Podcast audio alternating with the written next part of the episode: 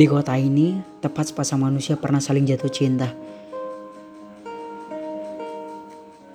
Sampai akhirnya harus jatuh sejatuh-jatuhnya.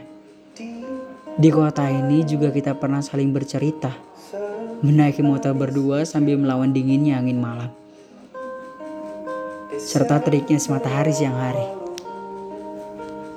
Dan di kota ini serasa sudah menjadi milik kita berdua. Sampai kita lupakan waktu pulang ke rumah. Hebat banget kita ya.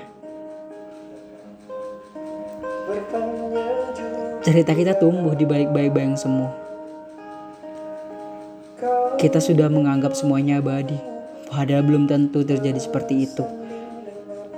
Tanpa mengabaikan takdir yang terjadi ke depannya, semuanya mengalir begitu saja.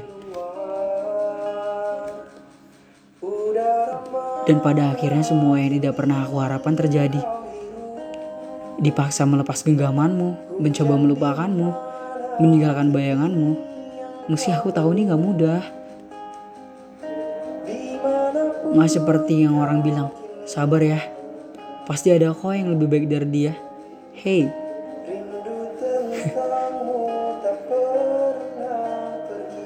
Aku paham betul gimana rasanya mencintaimu tapi keadaan memaksa untuk melepasmu. Karena ekspektasi yang berlebihan sehingga aku tidak percaya lagi akan namanya mimpi. Izinkan aku mundur. Dan kupersilahkan kamu untuk mencari jejak di jalan yang lebih terang.